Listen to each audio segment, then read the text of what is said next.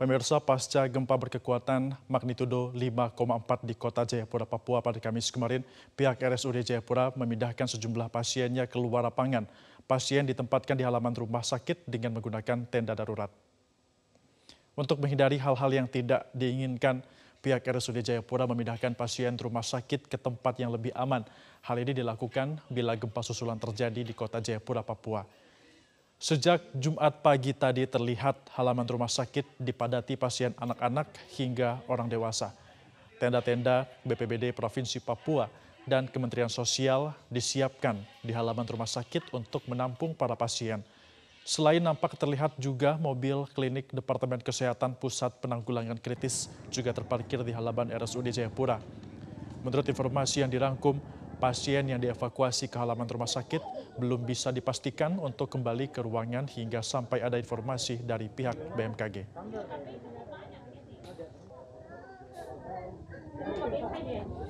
Pemirsa korban gempa bumi berkekuatan 5,4 magnitudo yang terjadi di kota Jayapura menjadi empat orang yang meninggal dunia. Hingga saat ini tercatat korban bencana gempa berkekuatan 5,4 yang terjadi di kota Jayapura, Papua pada Kamis kemarin sebanyak empat orang meninggal dunia. Tiga orang dalam perawatan medis di rumah sakit setempat dan lima orang lainnya mengalami luka ringan. Kapolres Kota Jayapura, Victor Den Makbon, menegaskan korban akibat gempa bumi tersebut bertambah menjadi empat orang yang meninggal dunia dan sudah diserahkan ke pihak keluarga untuk disemayamkan.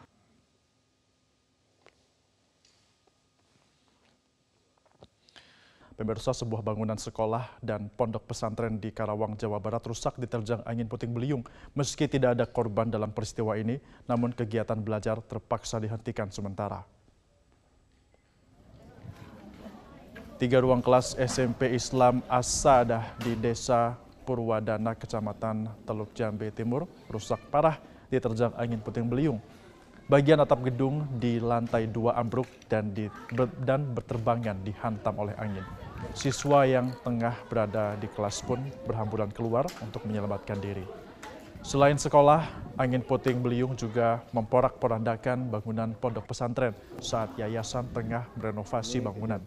Akibat kerusakan bangunan ini, ratusan siswa dan santri yang tengah melakukan kegiatan belajar mengajar terpaksa dihentikan sementara.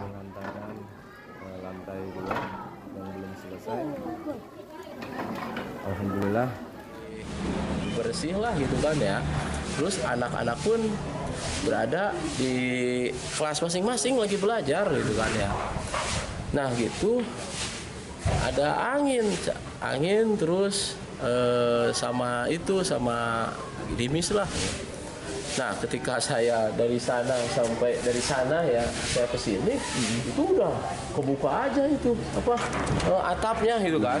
Atap yang mau itu tuh. Memang ini baru juga. Gitu. Pemirsa minyak goreng bersubsidi dengan merek minyak kita kini langka di sejumlah pasar tradisional di beberapa daerah. Di Bogor tidak hanya langka, namun minyak goreng yang beredar di pasaran ini juga dijual dengan harga jauh melebihi harga yang telah ditetapkan. Kondisi serupa juga terjadi di Surakarta, Jawa Tengah. Di Pasar Cikombong, Kabupaten Bogor, Jawa Barat, harga minyak goreng minyak kita harganya terus merangkak naik. Tak hanya harga naik, stok minyak kita pun dalam sebulan terakhir kini langka di sejumlah pasar tradisional. Para pedagang di pasar ini mengeluh mengalami penurunan omset penjualan akibat kenaikan harga minyak kita. Pembeli beralih ke minyak curah yang harganya relatif lebih murah. Sementara itu di Surakarta, Jawa Tengah, stok minyak goreng bersubsidi bermerek minyak kita masih ditemukan salah satunya di Pasar Gede, Surakarta, Jawa Tengah. Namun tidak banyak dan harganya dijual Rp17.000 per liter. Pedagang menyatakan mau tidak mau mereka harus menaikkan harga karena mereka membeli dengan harga Rp16.500. Gibran menyayangkan minyak kita dijual di atas harga eceran tertinggi, serta tegas melarang menjual minyak goreng tersebut secara online. Minyak, minyak apa? Terutama minyak kita. Itu dari berapa sekarang berapa, Pak? 14 sekarang 17. Padahal bandrolnya tadi? Bandrolnya 14. Soalnya aku pulang itu dari sana sudah 16 setengah. Pak bisa naik kenapa sih, Mbak? Katanya sales itu kosong, nggak produksi. Oke. Wis takon anu. Aku ya wis laporan, aku ya wis laporan Pak Gubernur juga. Mosek ya, Mbak ya. Untuk harga, untuk harganya kan tinggi. Harusnya, harusnya sesuai harga yang tertera di situ. Ya 14. Tapi sampai 17 ribu sama lebaran. Ya dan nggak boleh dijual online ya minyak kita itu ya. Awas tuh tuh Itu gimana mas kalau Itu mulai ada yang nanti kapan, Mas? menjual seperti itu dengan harga ya nggak boleh intinya nggak boleh wes ya gua tak anu tak cek ke pasar Mas, mas kalau yang kedapatan gimana mas? Akan dilakukan seperti apa penindakannya? hmm?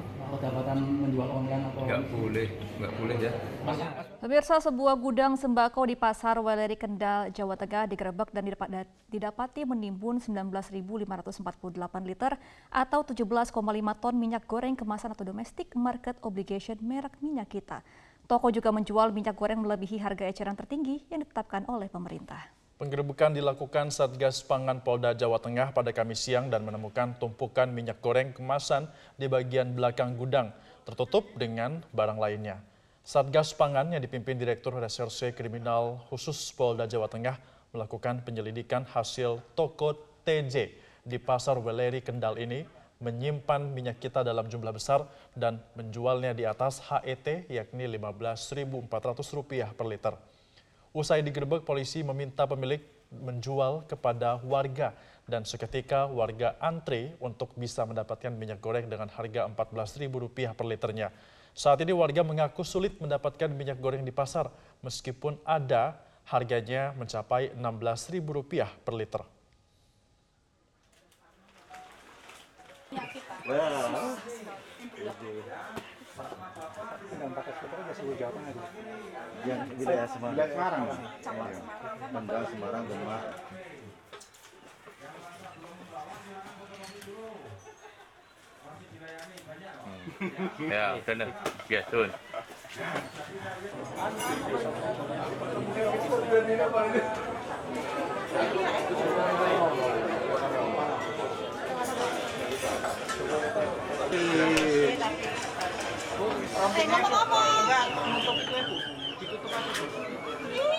Kita akan beralih ke informasi lain pemirsa, Jalan TB Simatupang, Jalan Fatmawati, serta kawasan Cilandak, Jakarta Selatan kini kerap mengalami kemacetan lalu lintas selama beberapa hari belakangan.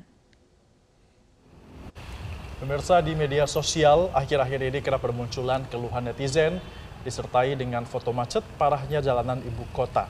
Namun dari unggahan-unggahan tersebut yang paling sering di-mention netizen adalah jalan TB Simatupang Fatmawati. Beragam dugaan muncul mengenai kemacetan tersebut mulai dari penyempitan jalur hingga sudah banyaknya perusahaan yang memperlakukan work from office atau WFO. Netizen berharap semoga ada solusi mengatasi kemacetan yang terjadi di Jalan TB Simatupang Fatmawati. Sementara itu, Dinas Perhubungan DKI Jakarta akan menutup 27 titik putaran balik atau U-turn di Jakarta untuk mengurangi kemacetan. Selain menutup putaran balik, Dishub DKI akan mengatur arah jalan dan ditargetkan pada semester pertama ini upaya menekan kemacetan Jakarta dapat tercapai.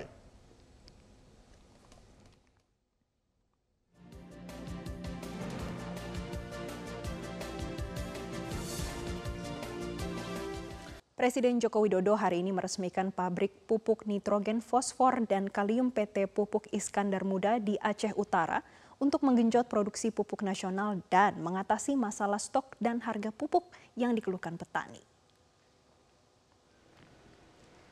Revitalisasi pabrik PT Pupuk Iskandar Muda ini dilakukan dengan biaya investasi 1,7 triliun rupiah untuk pembangunan industri NPK hingga sarana pelabuhan logistik. Dalam peresmian, Presiden Jokowi mengatakan pabrik ini mampu memproduksi pupuk dengan kapasitas dua kali jumlah produksi saat ini 570 ribu ton menjadi 1,14 juta ton. Jumlah tersebut mampu menjawab keluhan para petani terkait stok dan harga pupuk serta gangguan rantai pasok pupuk global akibat perang Ukraina dan Rusia. Meski demikian, kebutuhan pupuk nasional masih tetap bergantung pada impor karena produksi pupuk di dalam negeri baru mencapai 3,5 juta ton dari total kebutuhan pupuk nasional yang mencapai 13,5 juta ton.